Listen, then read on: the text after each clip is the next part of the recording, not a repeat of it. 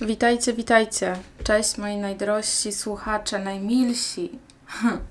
Zawsze przed rozpoczęciem każdego podcastu nie mam bladego pojęcia, jak, jak go zacząć. Mam zawsze milion dobrych słów na rozpoczęcie w głowie, a kiedy odpalam mikrofon, to po prostu te słowa gdzieś ulatują, więc powiem Wam tylko tyle. Cieszę się, że już jest jesień, że legitny napój bogów, taki jak kakao z piankami, jest teraz jak najbardziej wskazany, więc jeśli ktoś nie pił gorąco, polecam. Akurat do tego podcastu bardzo się przyda.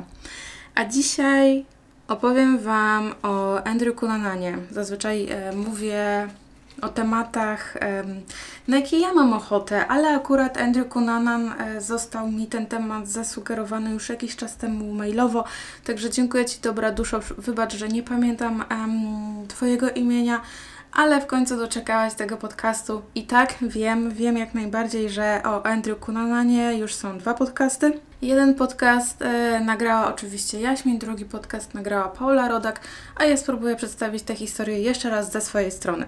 Więc, nie przedłużając bardziej, chodźcie, chodźcie. Jak wyglądał ostatni dzień projektanta Jenniego Versace, to mogliście wysłuchać w poprzednim podcaście, który to w całości poświęcony był jego życiu, twórczości i śmierci. I nieskromnie uważam, że ten podcast wyszedł mi zajebiście. No nie będę tutaj y, mówić, że było inaczej. I nie, nie, bynajmniej to nie jest moment na zapauzowanie tego podcastu i napisanie w komentarzu, że tak, poprzedni podcast był zajebisty Natomiast jeśli ktoś nie słuchał tego, tych, tych moich opowieści o Jenny Versace, to gorąco zachęcam do cofnięcia się do, do poprzedniego podcastu albo po prostu wysłuchania podcastu o Giannim zaraz po tym podcaście o Andrew Cunananie. Zatem, żeby nikogo nie drażnić, biorę na warsztat temat Andrzeja C. I w tym podcaście opowiem Wam o ostatnich dniach innych osób niż Gianni Versace. Nie skupię się na nim.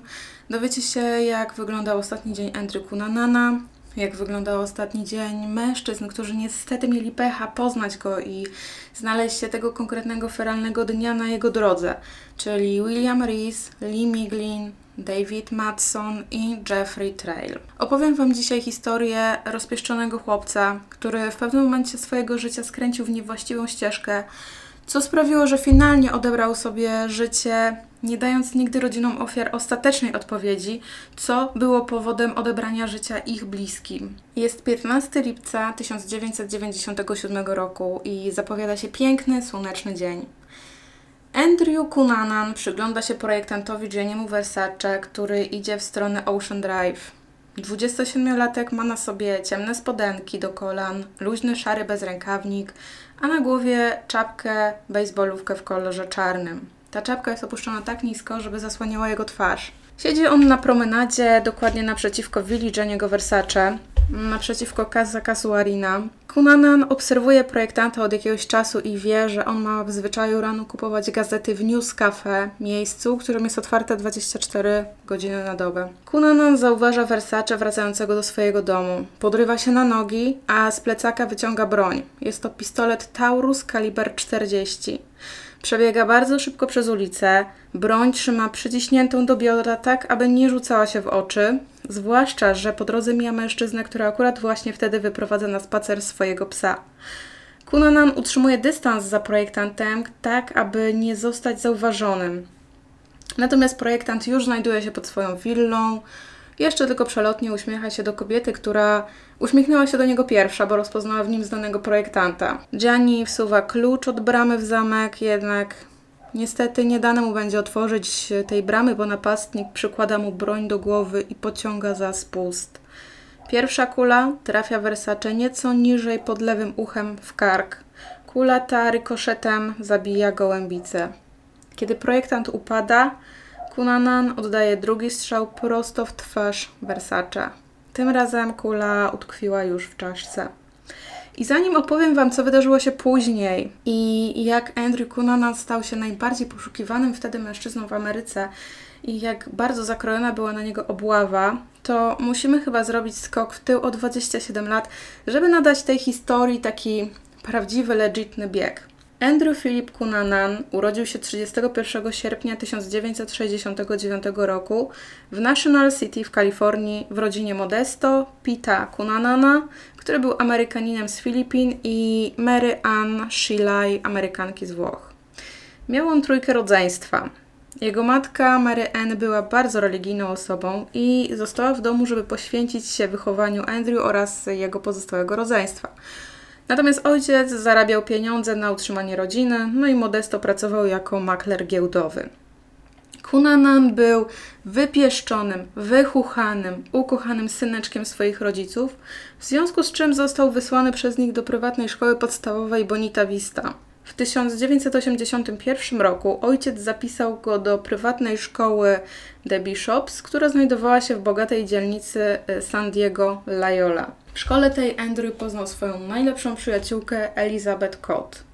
Został tam zapamiętany jako bystry, rozmowny, a jego IQ miało wynosić 147 punktów. Warto też wspomnieć, że dla rodziców był o tyle ich małym skarbem, że oddali mu największy pokój w domu, w którym mieszkali. Także od małego dzieciak był rozpieszczany aż do granic możliwości. Miał bardzo, bardzo barwną osobowość i pewnego dnia przyszedł do szkoły w czerwonym skórzanym kombinezonie, który to rzekomo miał być prezentem od znacznie bardziej starszego od Andrew mężczyzny, ponieważ Andrew odkrył, że bardziej pociągają go mężczyźni niż kobiety, a jeszcze bardziej pociągają go starsi, nadziani mężczyźni. W 1987 roku, kiedy kończył szkołę średnią, został wybrany w głosowaniu jako najmniej prawdopodobne, że zostanie zapomniany. Natomiast w książce rocznicowej pod swoim zdjęciem umieścił cytat: Po nas tylko powódź. I jeśli chodzi o ten cytat, to było to nawiązanie do Francji, do nastrojów, jakie panowały przed rewolucją francuską. I zdanie to miała rzekomo wypowiedzieć Madame Pompadour, która była kochanką Ludwika XV. I rzekomo miała to wypowiedzieć tak bardzo po prostu obojętnie. Natomiast zdanie to nabrało taki wydźwięk kogo obchodzi, co stanie się, kiedy nas już nie będzie. No i przez wiele, wiele lat to zdanie właśnie tak brzmiało, że ludzie mogą robić to, co chcą i nigdy nie będą pociągnięci do odpowiedzialności. Po ukończeniu szkoły średniej Andrew rozpoczął studia na Uniwersytecie Kalifornijskim w San Diego, gdzie studiował historię Ameryki. Jednak dość szybko się tym znudził i porzucił szkołę po pierwszym roku. W tym samym czasie Modesto Cunanan niestety musiał jak najszybciej opuścić Amerykę i wrócić na Filipiny. A musiał to zrobić, ponieważ y, miał zostać aresztowany za defraudację pieniążków, pieniędzy, floty, mamony. Sorry, poniosło mnie. Tak więc Andrew stwierdził, że ponieważ ciężko mu się mieszka z bardzo religijną, zdewociałą matką, to poleci on do ojca. Andrew bardzo się zdziwił, kiedy już dotarł na miejsce. A oczywiście oprócz samolotu to e, używał chyba każdego dostępnego już w Filipinach środku transportu, żeby dostać się pod adres, który podał mu Modesto. No i kiedy już e, przybył tam, gdzie mieszkał Modesto, czyli dla Kunanona to był koniec świata, e, no to się mocno zdziwił, bo te warunki, w których mieszkał ojciec, nie przypominały tych luksusów, które, które mieli Kunananowie w Stanach Zjednoczonych.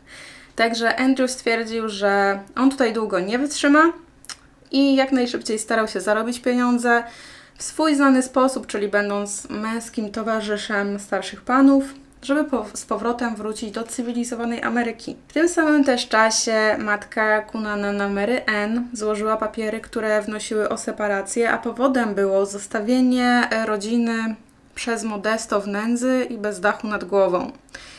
Więc ojciec Andrew dopuścił się sporych malwersacji. Y, Andrew oczywiście szybko e, wraca do Stanów Zjednoczonych, no i żyje sobie tak jak wcześniej. Natomiast matka dowiaduje się o jego orientacji i o tym, że syn uczęszcza do gejowskich klubów i to ją bardzo, bardzo mocno porusza. I porusza ją do tego stopnia, że pewnego razu kłóci się z nim, a on popchnął wtedy matkę mocno na ścianę, tak że zwichnął jej ramię.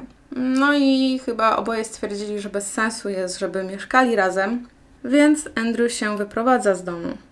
I w roku 1989 osiada w Castro District w San Francisco, które to było centrum kultury LGBTQ i zamieszkuje ze swoją najlepszą przyjaciółką i jej chłopakiem Philem Merillem. W San Francisco Kunanan idzie swoim bardzo utartym szlakiem i zaprzyjaźnia się kolejno ze starszymi, bogatymi mężczyznami, co skutkuje tym, że prowadzi bardzo wystawne życie. Z zewnątrz ma bardzo miłą osobowość, potrafi się odnaleźć, e, odnaleźć w towarzystwie oczywiście, a ponieważ ma sporą wiedzę, chociażby na tematy związane ze sztuką, to starsi mężczyźni nie wstydzą się go zabrać gdzieś na jakieś wystawne przyjęcia, czy po prostu do ludzi, że tak się wyrażę. Andrew e, w tym czasie ma dosyć bogaty i wyszukany gust i nie ma chęci nosić byle czego. Także jeśli zegarki, to tylko te najdroższe, buty i garnitury najlepsze, a podczas jednej z wypraw do Los Angeles wydał prawie 3000 dolarów, by móc spędzić kilka nocy w ekskluzywnym e, hotelu Chateau Marmont, w którym często zatrzymują się celebryci i sławne osoby. Zawsze dbał o to, żeby mieć portfel grubo wypchany pieniędzmi. Jadał w najdroższych restauracjach, gdzie lekką ręką potrafił wydać około 1000 dolarów podczas kolacji i oczywiście wliczając w to już hojny napiwek dla obsługi. Pewnego razu e, kelner przyniósł mu kartę win, na co Kunanan powiedział e, do niego po prostu przynieś to, co macie najdroższe w karcie. Natomiast życie w San Francisco to nie były tylko przyjaźnie z bogatymi starszymi mężczyznami, bo podobno Andrew zaczął tworzyć ostre filmy dla dorosłych w temacie dominacji i uległości. Prawdopodobnie też handlował substancjami psychoaktywnymi, czy też tymi na receptę. I w tamtych czasach używał on kilku aliasów, m.in. Andrew de Silva, Lieutenant Commander, co y, jest chyba komandorem porucznikiem, komandor porucznik Andy Cummings, Drew Cunningham, no i Kurt Matthew Demaris. Także bohater dzisiejszej opowieści to człowiek nie tylko wielu twarzy, ale także człowiek wielu imion. Cunanan pierwszy raz miał spotkać projektanta mody Jenny'ego Versace w San Francisco w październiku 90 roku, natomiast rodzina projektanta zaprzecza, żeby kiedykolwiek doszło do poznania się tych dwóch mężczyzn. Zaprzecza też temu partner Jenny'ego Versace e, Antonio D'Amico. Wreszcie w roku 95 w barze w San Francisco Andy poznaje miłość swojego życia. Jest to architekt z Minneapolis David Matson. No i rozpoczynają oni sobie związek na odległość. E, natomiast Matson zrywa ten związek wiosną 96 roku, bo jak sam twierdzi, wyczuwa w Andrew coś dziwnego, jakieś dziwne wibracje. Natomiast w tym samym roku Andrew przylatuje do Europy. Oczywiście mieszka tam w najdroższych hotelach, jak Grand Hotel we Francji czy Gritti Palace w Wenecji. Zatrzymuje się też w Mediolanie i chyba zatrzymuje się tam dlatego, bo ma chęć na spotkanie samego Jenny'ego Versace, natomiast no niestety mu się to nie udaje. Przyjaciele e, Kunanana zaczynają się tak delikatnie zastanawiać, skąd on ma pieniądze na tak wystawny tryb życia. Tak więc Andrew zaczyna opowiadać historię o tym, jak to jego rodzina na Filipinach jest bardzo bogata, ponieważ ma jego rodzina olbrzymie plantacje trzciny cukrowej. No i w związku z tym regularnie przesyłają mu pieniądze a on to w zasadzie tylko tak z nudów dorabia sobie w aptece. A w tej aptece pracował jako sprzedawca. Natomiast e, w końcu zaczął tak mocno karmić swoich przyjaciół kłamstwami, że oni sami nie byli w stanie odróżnić, co jest prawdą, a co nie. Faktem było to, że Andrew był atrakcyjny, szczupły, Doskonale wiedział, jak przyciągnąć uwagę starszych, bogatych mężczyzn i potrafił tak manipulować tymi dziadkami, że kupowali mu najbardziej ekstrawaganckie rzeczy, o jakich sobie tylko zamarzył. Oczywiście tylko do czasu, ponieważ kiedy już spotykał się z takim starszym panem, po jakimś czasie przestał on skupiać się na tym jednym swoim kochanku i zaczynał chodzić na boki. We wrześniu 96 roku Cunanan zerwał z Johnem Blatchfordem, bogatym starszym mężczyzną, który gościł go i wspierał finansowo. No i bardzo szybko po tym zerwaniu wyczerpał swoje karty kredytowe. Wrócił do sprzedawania substancji psychoaktywnych, a nawet sam miał zacząć je zażywać. Jakoś mniej więcej na początku 97 roku Kunanan nagle drastycznie zaczął się zmieniać. Sporo przytył, pił tak, jakby miało nie być jutra, no i przestał kompletnie o siebie dbać. Przestał też spotykać się z przyjaciółmi, A oni podejrzewali, że Andrew bardzo mocno, że tak się wyrażę, zaprzyjaźnił się z kryształami. Staram się być family friendly. 25 kwietnia 1997 roku Kunanan kupuje bilet w jedną stronę z San Diego do Minneapolis, żeby odwiedzić przyjaciela. I tym przyjacielem jest jego była miłość architekt David Matson. Dawid ma wtedy 33 lata. Przyjaciołom mówi, że celem jego podróży jest załatwienie kilku spraw biznesowych. Kilka dni później, kiedy Kunanan już jest w Minneapolis, e, aranżuje spotkanie niespodziankę dla innego swojego przyjaciela, którym jest e, Jeffrey Trail, były oficer marynarki wojennej, który to z kolei wtedy pracował jako kierownik okrętu w firmie dostarczającej propant w Minneapolis. Jeffrey się troszeczkę ostatnio do Andrew zdystansował, ale siedziała mu w głowie taka myśl, że być może Andrew będzie chciał przeprowadzić się do Minneapolis, no i zostać tam na dłużej. Natomiast e, Andy nie mógł sobie pozwolić na kupienie biletu nawet w jedną stronę, no bo wyczerpał te limity na swojej karcie kredytowej, więc musiał poprosić bank o zwiększenie tego swojego limitu kredytowego. Andrew zatrzymał się na poddaszu w mieszkaniu Matsona, no i tej samej nocy Kunanan i Matson zjedli obiad e, w restauracji Nie i odwiedzili nocny klub The Gay Seventies. Cześć, tu Karolina z przyszłości. Podczas edycji tego materiału zorientowałam się właśnie, że popełniłam błąd. Oczywiście chodzi o klub The Gays 90s, a nie 70s. Także przepraszam Was e, za tę pomyłkę. 27 kwietnia około 21.30 sąsiedzi nagle usłyszeli krzyki w mieszkaniu Matsona. Ściany zaczęły się dziwnie trząść, a potem z mieszkania 33-latka zaczęło dochodzić dudnienie.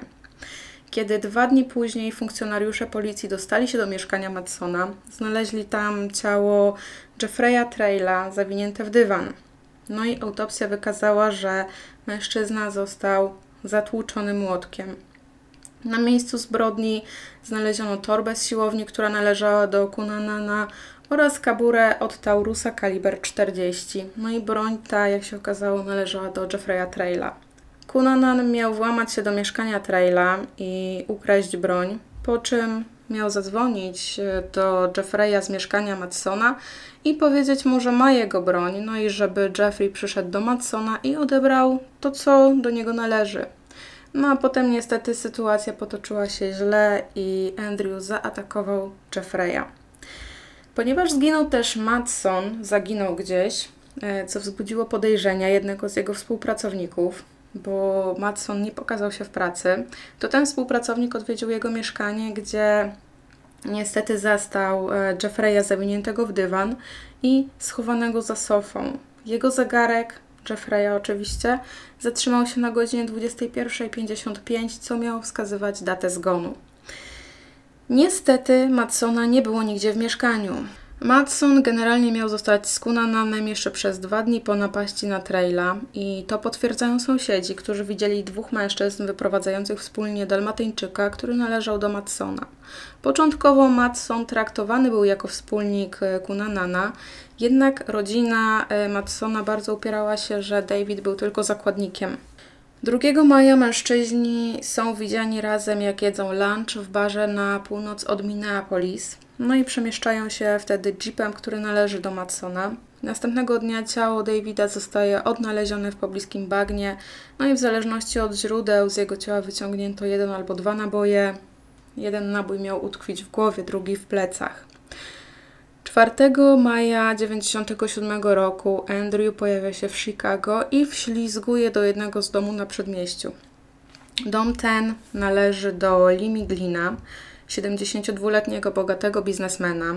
No i zanim Andrew pozbawi Lee życia, podda go torturom, po czym poderżnie mu gardło, przebije wielokrotnie klatkę piersiową śrubokrętem, a potem ciało starszego mężczyzny zawinie w plastik, a głowę obwiąże taśmą. No i ciało Lee zostawi w garażu.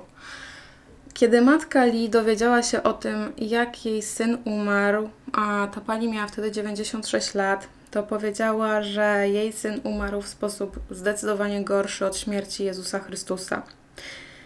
W mieszkaniu Miglina Kunanan spędził trochę czasu. Spał w łóżku mężczyzny, jadł kanapki z mięsem w jego bibliotece, brał prysznic i kąpał się w wannie. Z mieszkania starszego pana zabrał 10 tysięcy dolarów w gotówce oraz kilka garniturów. Pożyczył sobie także samochód Miglina. No i e, czy Kunanan znał wcześniej Miglina?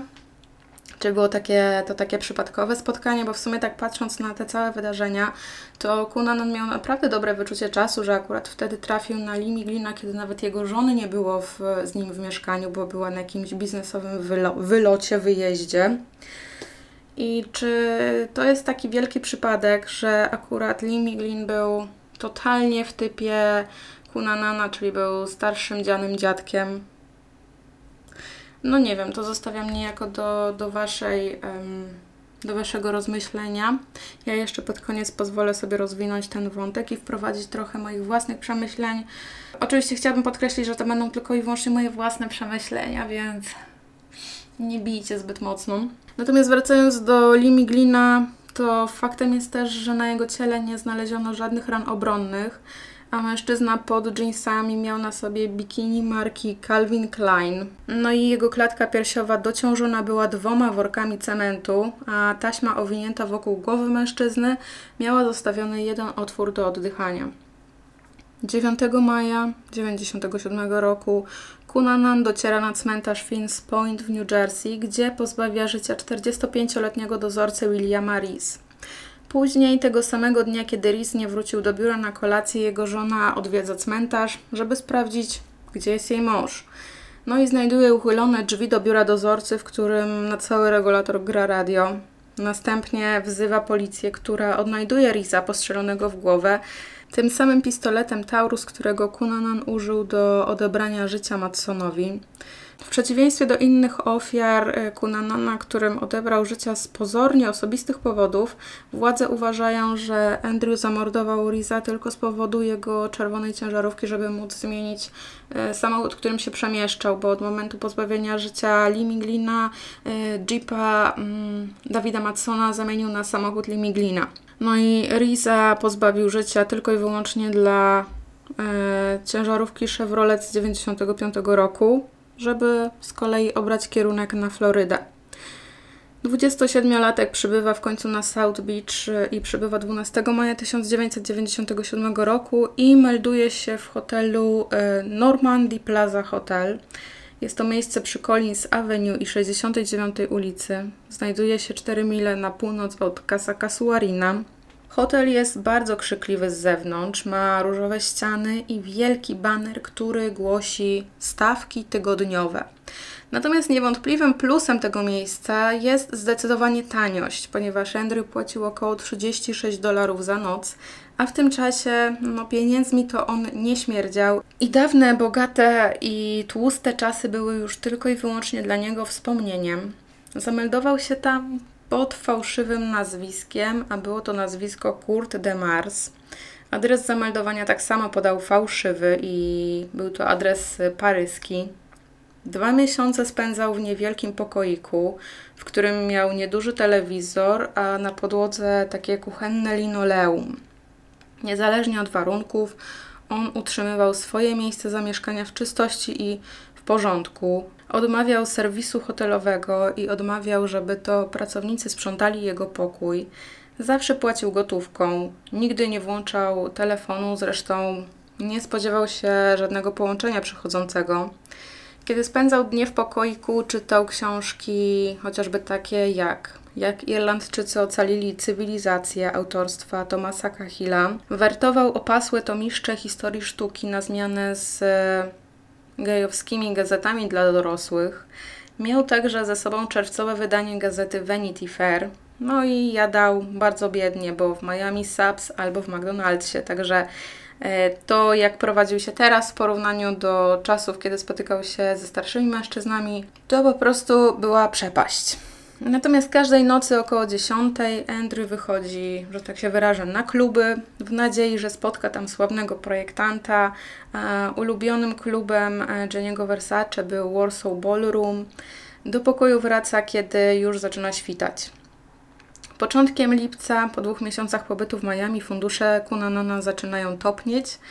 Tydzień wcześniej idzie on do Lombardu Casa de Oro, żeby zostawić złotą monetę 50-dolarową z wizerunkiem orła, a monetę tę ukradł e, z mieszkania Limi Glina.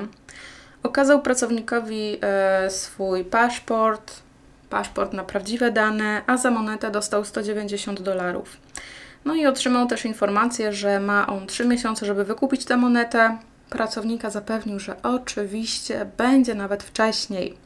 Tego samego dnia wymeldował się z hotelu i przeniósł się do czerwonego pick-upa zaparkowanego w odległości kilku budynków od willi Jenniego Versace. W piątkowy wieczór poszedł do popularnego gejowskiego klubu o nazwie Twist. Barman zapamiętał go, bo Kunanan zamówił szklankę wody i pożyczył papierosa, co było znakiem, że jest albo kanciarzem, albo chłopcem do towarzystwa, czy mężczyzną do towarzystwa, bo w sumie już był 27-latek. Po chwili zaczął rozmawiać z młodym mężczyzną o imieniu Brat, a kiedy brat zapytał, w jaki sposób Andrew pracuje, Kunanan odpowiedział, że jest seryjnym mordercą. Ale kiedy zobaczył wystraszoną minę Brada, zaśmiał się i powiedział, że tak naprawdę to jest bankierem. Także nic wielkiego. Bawili się całkiem dobrze, tańczyli razem na parkiecie, aż w pewnej chwili e, nic tego nizowego Kunanan po prostu zniknął. No i mamy dzień 15 lipca. Kunanan oddaje dwa strzały w stronę Jenniego Versace. Bardzo szybko przy ciele projektanta pojawia się przyjaciel Antonia de Amico, e, Lazaro Quintana. Lazaro e, pyta kobietę, która to wcześniej uśmiechnęła się do Versace, czy wie, kto to zrobił, a ona wskazuje na oddalającego się w pośpiechu Kunanana. Lazaro zaczyna go gonić, jednak kiedy widzi, że Andrew ma broń, wycofuje się przypomina sobie, że jadąc do Antonia minął jakiś wypadek samochodowy i widział tam e, funkcjonariuszy policji, no i skierował się w tamto miejsce. Przekazał szybko informację, w którą stronę ucieka Kunanan i wrócił do domu projektanta. No i mimo, że mm, Gianni Versace został bardzo szybko przetransportowany do szpitala, to niestety nie przeżył spotkania z Kunananem. 27-latek pobiegł w stronę garaży położonych w niedalekiej odległości od domu projektanta. W międzyczasie ściągnął siebie w pośpiechu szorty i bezrękawnik, które były całe we krwi Versace i były też przepocone. Przebrał się w świeże ubranie i pobiegł schodami w kierunku północnym. Miał on plan uciec samochodem stojącym w garażu podziemnym, ale został niestety wystraszony przez patrol policji. W niecałe pół godziny później policjanci znaleźli samochód, który należał do Williama Risa, którym to Kunanan chciał odjechać, oraz rozrzucono nieopodal ubrania, które zostawił gdzieś na ziemi, na ulicy. E, funkcjonariusze znaleźli też portfel należący do Limi Glina, dokumenty Williama Risa, dwa paszporty, w tym jeden na nazwisko Kunanana oraz pociski pasujące do Taurusa kaliber 40. Wyglądało to tak, jakby Kunanan spał od kilku dni w samochodzie. Jego ubrania były wszędzie porozrzucane. Wszędzie były porozrzucane opakowania po chipsach oraz patyczki od lizaków. Pomiędzy dniem zabójstwa Versace a jego pogrzebem zaczęła się największa obława tamtych czasów na Andrew Kunanana. No i kiedy okazało się, że mężczyzna ukrywał się nieomal na widoku policji, to policja otrzymała po prostu ogromną falę krytyki ze strony zarówno polityków, jak i prasy. E, przez ostatnie miesiące Kunanan w zasadzie przebywał na widoku, tak jak powiedziałam. Sprzedawał on swoje usługi towarzyskie, palił różne substancje z mieszkańcami hotelu, w którym był zameldowany, a policja w Miami niestety niewiele robiła w celu schwytania go. W zasadzie to wywiesili trochę plakatów w miejscach publicznych. Y, nie poprosili też o pomoc lokalnej społeczności homoseksualnej, która y, no, w tamtym czasie mogła zdziałać sporo w temacie Kunanana. Dopiero śmierć znanego projektanta zmusiła funkcjonariuszy do działania. Tak więc do polowania na Andrew przyłączyło się ponad e, 200 funkcjonariuszy policji. Musieli oni przebić się przez masę, masę fałszywych tropów i telefonów z informacjami, żeby udało im się w końcu wyłuskać te najbardziej istotne. No i 16 lipca na policję dotarła informacja z Lombardu, gdzie Kunanan sprzedał monetę należącą wcześniej do Limiglina, a po kilku godzinach funkcjonariusze już przetrząsali pokój w hotelu, e, w którym Andrew wynajmował ten e, pokój. No i w międzyczasie, kiedy trwała obława na Kunanana, funkcjonariusze policji próbowali w jakiś sposób powiązać ze sobą Kunanana i Versace. Wiedzieli oni, że mężczyzna, e, Andrew oczywiście, pracował jako mężczyzna do towarzystwa, a Antonio podczas przesłuchania przyznał, że czasami takich właśnie mężczyzn mieli w swoim łóżku z Janim w Nowym Jorku czy w Miami. Jednak um, przyznał też, że zaprzestali takich praktyk bardzo, bardzo wcześnie i nigdy nie było z nimi kunanana. Oczywiście, tak jak wspomniałam wcześniej, rzekomo Andrew miał się poznać z Janiem Versace w 90 roku, no ale Antonio zaprzeczył, żeby doszło do takiego poznania między dwoma mężczyznami. E, no i najprawdopodobniej dla Andrew Kunana Versace był tym, kim 27-latek nigdy nie miałby szansy się stać, czyli był um, odnoszącym sukcesy, bogatym, homoseksualnym mężczyzną, który miał miłość swojego życia, otaczał się wpływowymi ludźmi, był podziwiany przez cały świat. Aczkolwiek kiedy Andrew mocniej zaczął nadużywać substancji psychoaktywnych na początku 1997 roku, oficjalnie bardzo źle zaczął się wyrażać o projektancie. Mówił o nim, że mm, Gianni Versace jest najgorszym projektantem na świecie, a nawet używał takich słów jak pretensjonalny, nadęty czy ostentacyjny. Przez tydzień Andrew Cunanan przyczaił się tak, że nie został aresztowany przez policję. Aż do czasu, kiedy to jego spokój zakłócił pewien 71-letni mężczyzna, który pilnował domu na wodzie należącego do pewnego nieobecnego, bogatego Niemca. No i tutaj mam taki mały zgrzyt, czy to był dom na wodzie, czy łódź po prostu zwykła. Będę o tym mówiła po prostu dom na wodzie. E, domek ten był zacumowany około 4 mile na północ od willi Versace, i czasem miał służyć do zabawiania się w nim e, bogatym homoseksualnym mężczyznom, którzy zgarniali z parku młodych chłopców, FO, którzy to z kolei oferowali swoje usługi. No i kiedy Fernando Carreira, czyli ten właśnie 71-letni mężczyzna, wchodzi do domku, od razu widzi, że coś tu jest nie tak. Wszystkie światła były zaświecone, zasłony, które poprzednio starszy pan zostawił odsłonięte, były zasłonięte. Poduszki z sofy leżały na podłodze i imitowały posłanie, na którym ktoś spał. No i niedaleko tego prowizorycznego łóżka leżała para sandałów. Więc starszy pan wyciągnął pistolet z kabury, którą miał przypiętą do pasa, no i powiedział do swojej żony, że ktoś tu spał, no i zdecydowanie ktoś w tym domu przebywa. Starszy pan zaczął powoli, powoli patrolować ten domek, kiedy z głównej sypialni znajdującej się na piętrze Kunanan oddawał w jego kierunku strzały. No i w związku z tym Fernando stwierdził, że on nie będzie cwaniakować, wycofał się i wezwał policję. Okolice zalała masa funkcjonariuszy, a nad domem na wodzie unosił się helikopter. Lokalna stacja robiła przekaz live e, ze ścigania aktualnie najbardziej poszukiwanego przestępcy. Na miejscu był też mediator, który miał pośredniczyć w rozmowie z Kunananem. Jednak po wejściu jednostki SWAT do domu na wodzie okazało się, że Andrew się zastrzelił. Tak więc najbardziej poszukiwany człowiek w Ameryce popełnił samobójstwo i zabrał ze sobą do grobu informację, co było powodem jego szaleńczej podróży po trzech stanach, podczas której no jeńców to on nie zabierał i Andrew włożył pistolet do ust i po prostu wystrzelił. Tak odebrał sobie życie. Miał on w chwili znalezienia na sobie czerwony t-shirt, shorty, no i było widoczne, że od kilku dni się nie golił. Kiedy śledczy zaczęli przeszukiwać łódź, stało się dla nich jasne, że Kunanon ukrywał się tam od kilku dni. W lodówce stało napoczęte jedzenie, pół bochenka chleba, butelka pomarańczowej orężady. W salonie znaleźli egzemplarz Wołga, alkohol, patyczki do uszu oraz leki przepisane na nazwisko Torsten Reinek. O 5 rano śledczy oficjalnie podali informację o tym, że pościg za Andrew Cunananem się zakończył i że to on jest e, zabójcą projektanta Jenny'ego Versace. Ale to oczywiście nie sprawiło, że ludzie przestali plotkować. Gołębica, która także została zastrzelona rykoszetem, dała bardzo duże pole do popisu, jakoby porachunki z projektantem zakończyła jakaś organizacja pozarządowa. A jak wiecie z poprzedniego podcastu, od początku działalności Versace posądzany był o kontakty z taką organizacją pozarządową, a firma była bardzo ostro kontrolowana pod kątem sprawdzania, czy przypadkiem nie jest słupem do prania brudnych pieniędzy. Jeśli jeszcze nie słuchaliście podcastu o Jenny Versace, to bardzo mocno Was do tego zachęcam.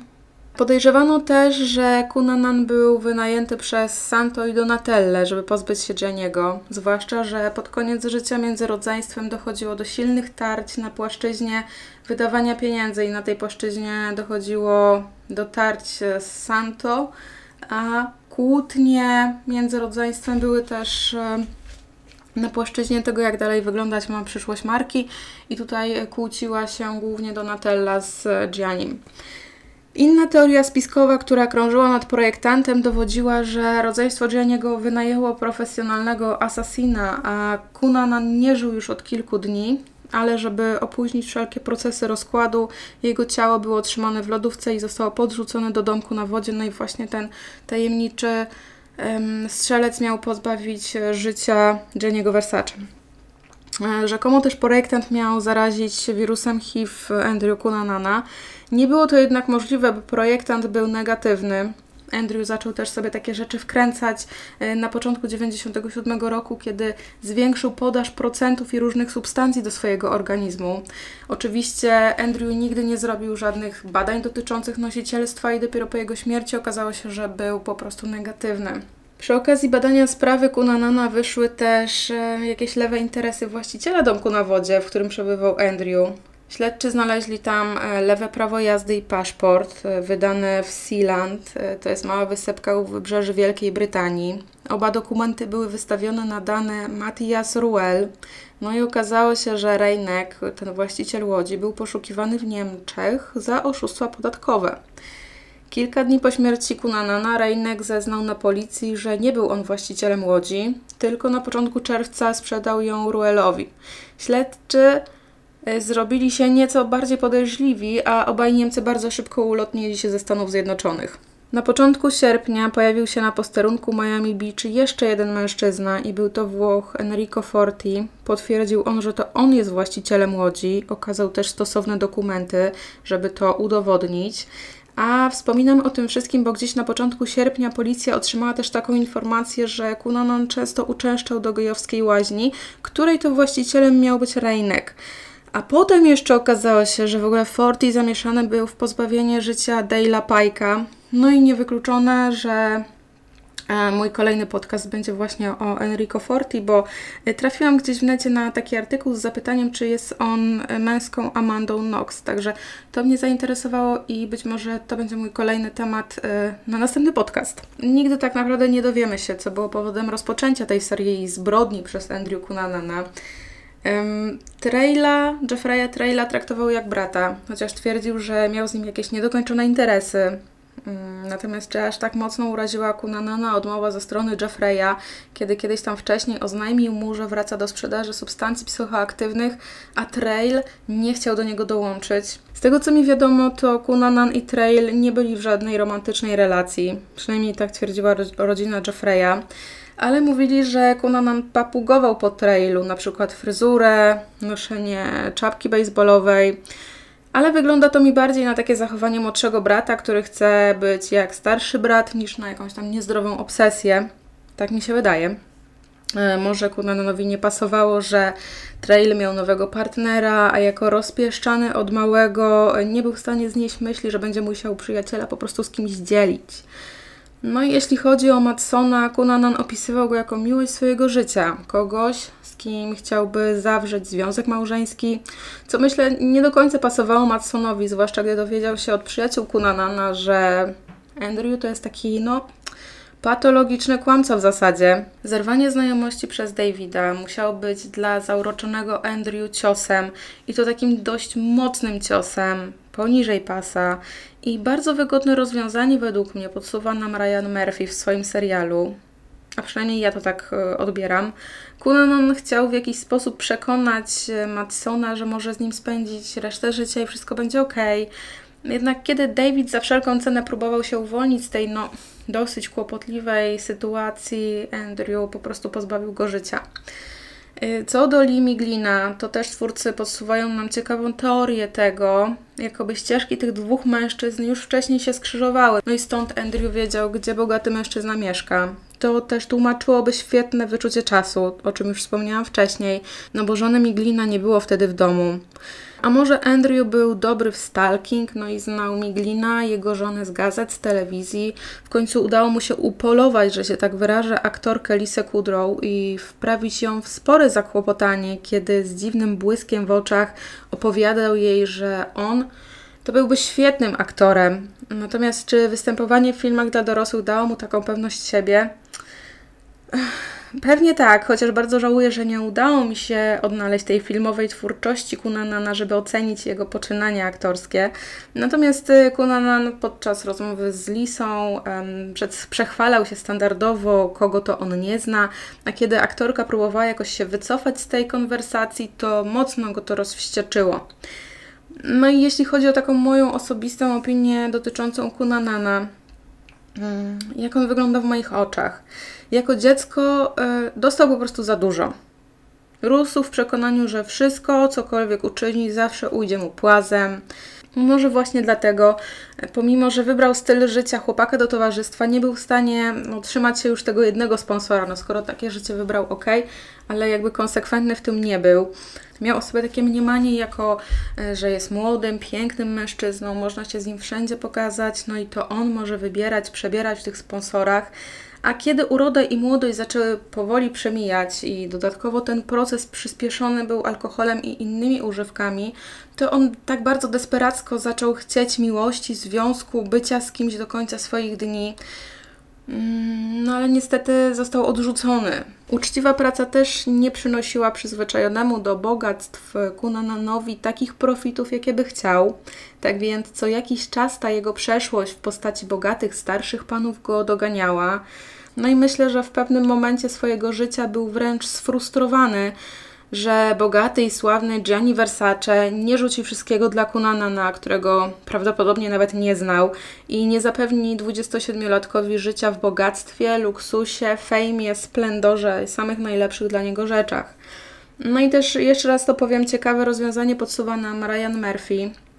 I to będzie spoiler, spoiler, spoiler, więc jeśli ktoś nie oglądał serialu e, American Crime Story, zabójstwo Jenniego Versace, to proszę mieć na uwadze, że tu będę spoilerowała. Prawie w ostatniej chwili życia e, jest pokazana taka scena z Andrew, w której chłopak rozmawia przez telefon z ojcem, który myślę, że pomimo tego, że mm, dopuszczał się jakichś malwersacji i niekoniecznie takich dobrych ruchów, to e, był w oczach Andrew sporym autorytetem. E, Rozmawiają tak bardzo osobiście, że ojciec do niego przyjedzie, a potem widzi on w telewizji, że ojciec opowiada o sprzedaży praw do filmu o życiu jego syna.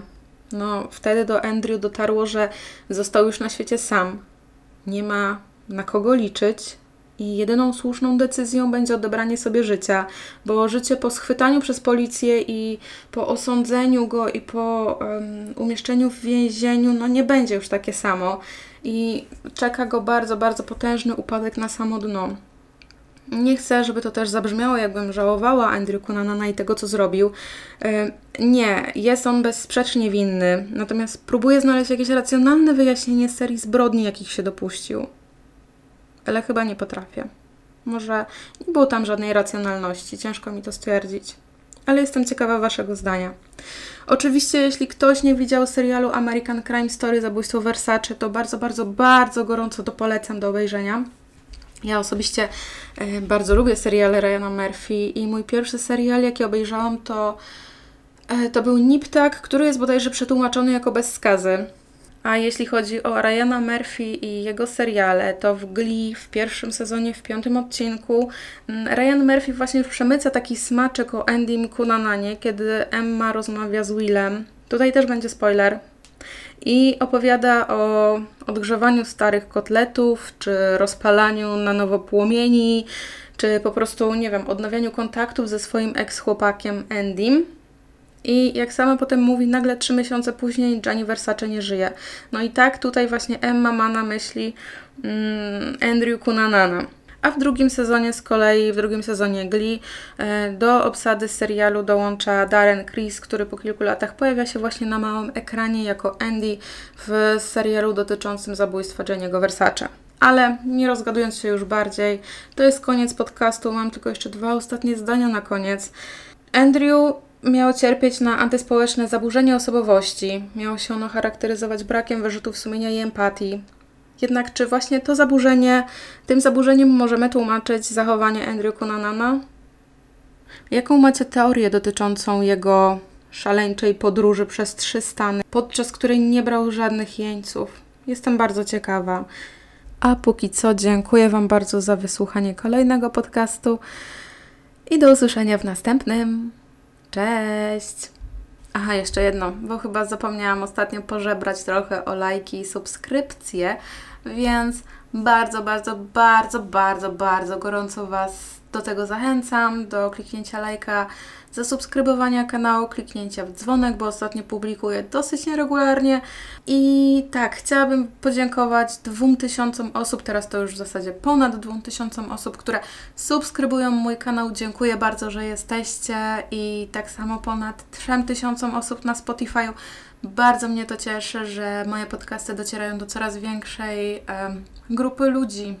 Jeśli macie też jakiś temat, o którym chcecie, żebym powiedziała, mm, jakąś ciekawą historię, ciekawego, yy, ciekawe zaginięcie, ciekawego seryjnego, dajcie znać. Może to być mailowo, może to być w komentarzu pod filmem, pod podcastem. Bardzo chętnie się zajmę taką sprawą. Tylko żeby to nie była sprawa polska, bo takich spraw po prostu nie ruszam. Dodatkowo chciałam powiedzieć, że pod adresem 8podcast.blogspot.com umieszczam tekstowe wersje swoich e, podcastów, to znaczy dopiero zaczęłam umieszczać, także jest ich tam jeszcze relatywnie niedużo. Tak więc jeśli nie będziecie mieć okazji posłuchać podcastu, zapraszam do czytania. No i cóż, widzimy się. Yy, nie wiem kiedy, ale na pewno wiecie, co będzie tematem następnego podcastu. Trzymajcie się cieplutko, cieplusieńko w ten um, jesienny czas. Ja osobiście uwielbiam jesień. E, no i do usłyszenia niebawem. Pa!